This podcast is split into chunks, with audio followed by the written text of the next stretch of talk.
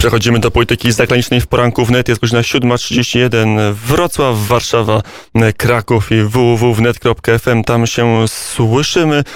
A teraz gościem poranka wnet jest Grzegorz Kuczyński, dziennikarz, analityk, autor książek o Putinie, o Rosji, o polityce wschodniej. Dzień dobry. Dzień dobry. Kolejny burzliwy dzień na Białorusi. OMON, czy mówiąc po białorusku AMAP, wraca do akcji.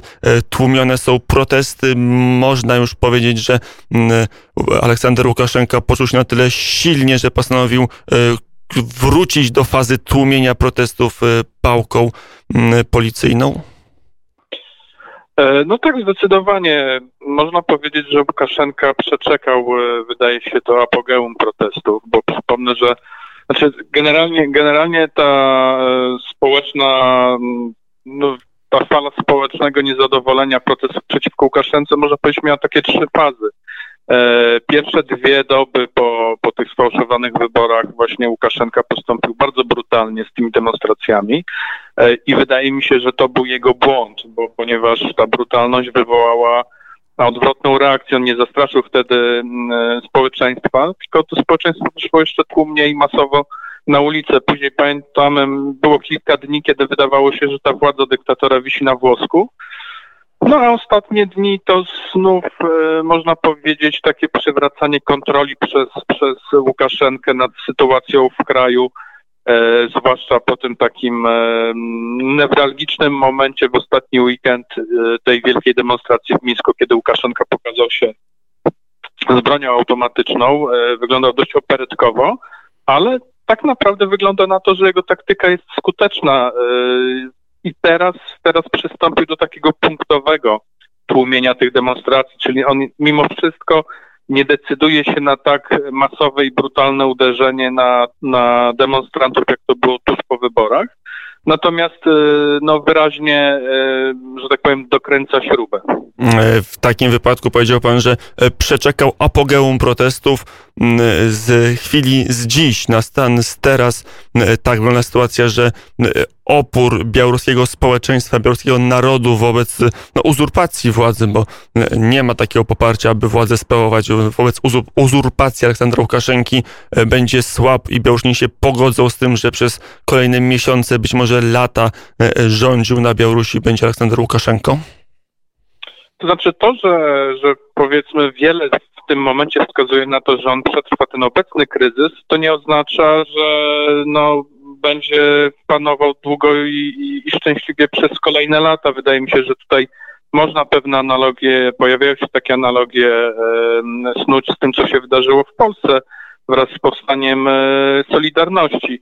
E, no to nawet, że, że teraz jednak mniej tych Białorusinów wychodzi na ulicę, czy, czy jest mniej tych strajków, nie oznacza, że, że zmienił się stosunek tych ludzi do, do Łukaszenki. On jest negatywny, więc nawet jeśli on teraz, uda mu się teraz stłumić e, te protesty, no to jednak e, ta sytuacja będzie wciąż pozostawała niestabilna i on już teraz wie, że jest odrzucany przez e, zdecydowaną większość społeczeństwa. Pozostaje już tylko rządzenie siłą i przy pomocy Rosji. I moim zdaniem, e, no, jakoś bardzo długo takiego stanu nie da się utrzymać, więc nawet jeśli on teraz, e, no, powiedzmy, odniesie taktyczne zwycięstwo, to w dłuższej perspektywie strategicznej już wiadomo, że przegrał. Mm, to jest obraz długoterminowy, chociaż jak na razie Łukaszenka walczy o te najbliższe tygodnie, miesiące i być może e, nie ma czasu, ani ochoty, ani nie ma potrzeby myśleć o tym, co będzie za rok. E, powiedzmy, dużo w Polsce analizuje się bieżące wrażenie na, e, na Białorusi, ale wydaje się, że bardzo mało mówimy o tym, kto właściwie na Białorusi rządzi, jakie są koterie. Wymieniamy w kółko jedno i to samo nazwisko Aleksander Łukaszenko albo Łukaszenka, za rzeczy mówimy z rosyjska czy z białoruska i cały czas poprzez wszystkie przypadki odmieniamy nazwisko dyktatora Białorusi, tak już trzeba powiedzieć, a przecież tam jest jakiś aparat, tam są jakieś koterie, tam muszą być jakieś różne tendencje. Pierwsze pytanie, dlaczego ta cała czapa urzędnicza jest tak spoista, dlaczego nie ma dużego wyłomu w chwili tak głębokiego kryzysu, jaki oglądaliśmy kilka dni temu na Białorusi? Czy to wynika z tego, że Łukaszenka rządzi już od 26 lat? On, on wielokrotnie dokonywał e, rotacji w tym kierownictwie, dokonywał takich personalnych zmian, e, coraz bardziej, coraz mocniej e, budując taką e, nomenklaturę wierną e, i lojalną wobec niego na wypadek takich kryzysów jak obecny. E, trzeba pamiętać o tym, że przecież już mało kto został z tej pierwszej ekipy, która z nim doszła do władzy w 1994 roku tak naprawdę.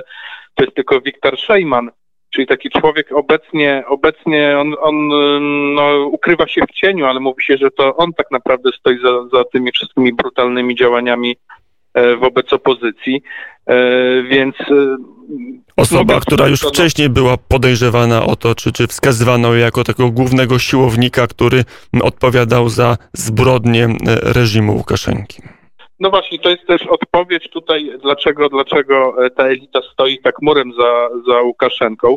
E, no bo Łukaszenka, jak każdy, każdy zbrodniarz, buduje też uzależnia od siebie swoich współpracowników, wciągając ich w te zbrodnie. E, przecież wiemy, że, że wielu tych oficerów e, struktur siłowych w razie upadku reżimu zostałoby rozliczonych e, nie tylko za te brutalne ostatnie tłumienie protestów i za śmierć demonstrantów czy ich zaginięcie, ale też za zbrodnie sprzed lat, chociażby jeszcze z lat 90. I to, to jest jedna rzecz. Druga rzecz, trzeba pamiętać o tym, że ta nomenklatura, tam bardzo duże wpływy mają Rosjanie jednak, a Rosjanie w tym momencie grają na utrzymanie Łukaszenki e, u władzy. Trzeci czynnik, no Łukaszenka jednak ciągnął w górę wraz z sobą e, swoich dawnych towarzyszy e, z, z poprzedniego etapu swojej kariery. To nie przypadkiem jeszcze parę lat temu mówiło się o tym, że, że tak naprawdę na Białorusi są trzy klany. Klan Szkłowsko-Mochylewski, czyli to są ci ludzie, którzy współpracowali kiedyś z Łukaszenką jeszcze zanim on został prezydentem. E, klan Wiktora Łukaszenki, czyli syna e, obecnego prezydenta i klan technokratów, czyli takich powiedzmy reformatorów gospodarczych, ludzi, którzy mieli tutaj gospodarką zarządzać. I no, Łukaszenka po prostu umiejętnie mm, ty, tymi grup, te grupy rozgrywa.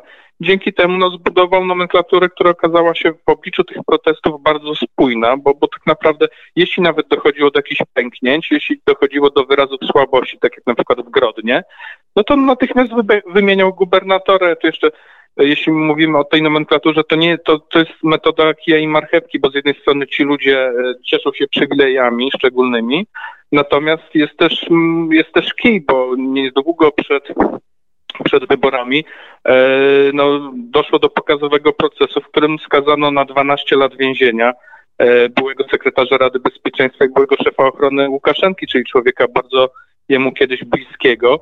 E, i dostał 12 lat więzienia za przyjęcie w sumie tak naprawdę nie aż tak dużych łapówek od rosyjskich firm telekomunikacyjnych, więc, więc w ten sposób Łukaszenka dyscyplinuje swoich ludzi. Tak samo publikacja listy mm, oficerów e, OMON-u odznaczonych za, za właśnie to brutalne pacyfikowanie tych demonstracji w pierwszych dniach po wyborach, tak naprawdę też służyło e, wzmocnieniu ich więzi z obecnym dyktatorem, no bo e, no trudno, trudno oczekiwać, że jeśli ujawnia się ich dane osobowe, to no oni mają teraz prawo bać się o swoje bezpieczeństwo w przypadku, o swoją przyszłość w przypadku, gdyby ten reżim e, upadł, więc to było też świadome działanie, bo w ten sposób zbrodniarz Łukaszenka po prostu e, no, tutaj robi sobie z nich wspólników tym, co się teraz dzieje.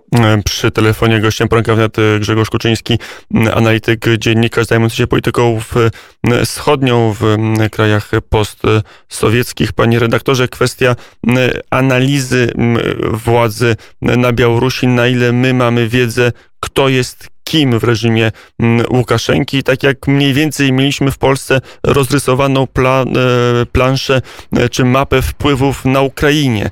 E, tam mieliśmy, wiedzieliśmy kto jest od kogo, mniej więcej jakie, kto ma stanowisko, czy podobną mapę mamy możliwość stworzyć dla Białorusi?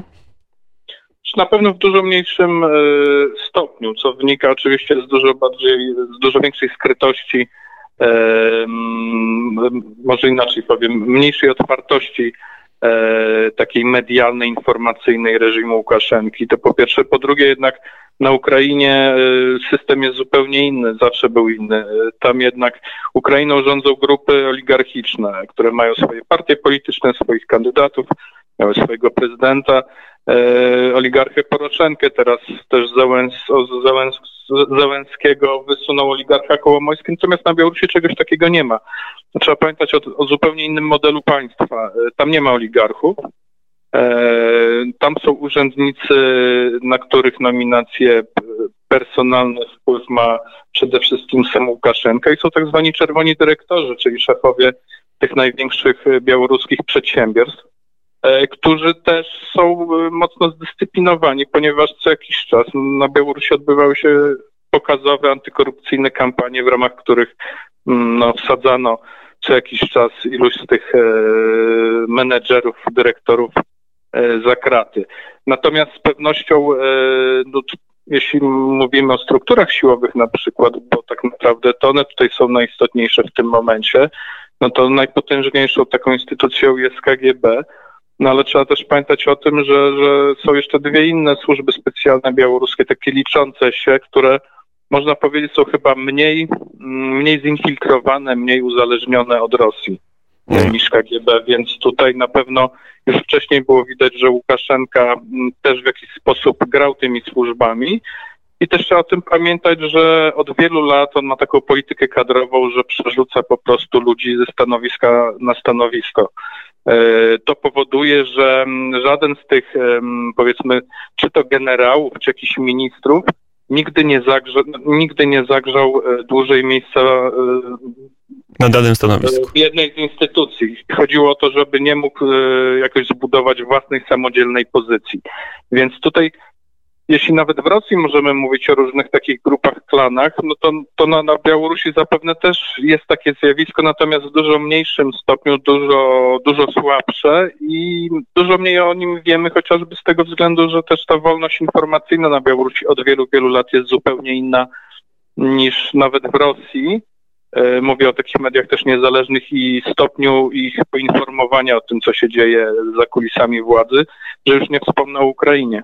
E, to już na koniec pytanie trochę konkludujące naszą rozmowę. E, z tego, co wiemy, jak rozumiem, nie ma co liczyć na scenariusz, że część aparatu władzy odejdzie od Łukaszenki na rzecz opozycji, że taka droga jest w ogóle możliwa przy tym systemie aparatu władzy, jaki mamy na, na Białorusi. E, jest możliwe tylko w jednym wypadku. Jeśli mm, z jakiegoś powodu Kreml uzna, że, że należy Łukaszenkę odsunąć od władzy. E, e, oczywiście to nie oznacza, że, że Kreml by się zgodził na to, żeby, żeby obecni przeciwnicy polityczni Łukaszenki przejęli władzę. Moim zdaniem bardziej prawdopodobnym scenariuszem jest, ale też raczej nie teraz, tylko za czas jakiś.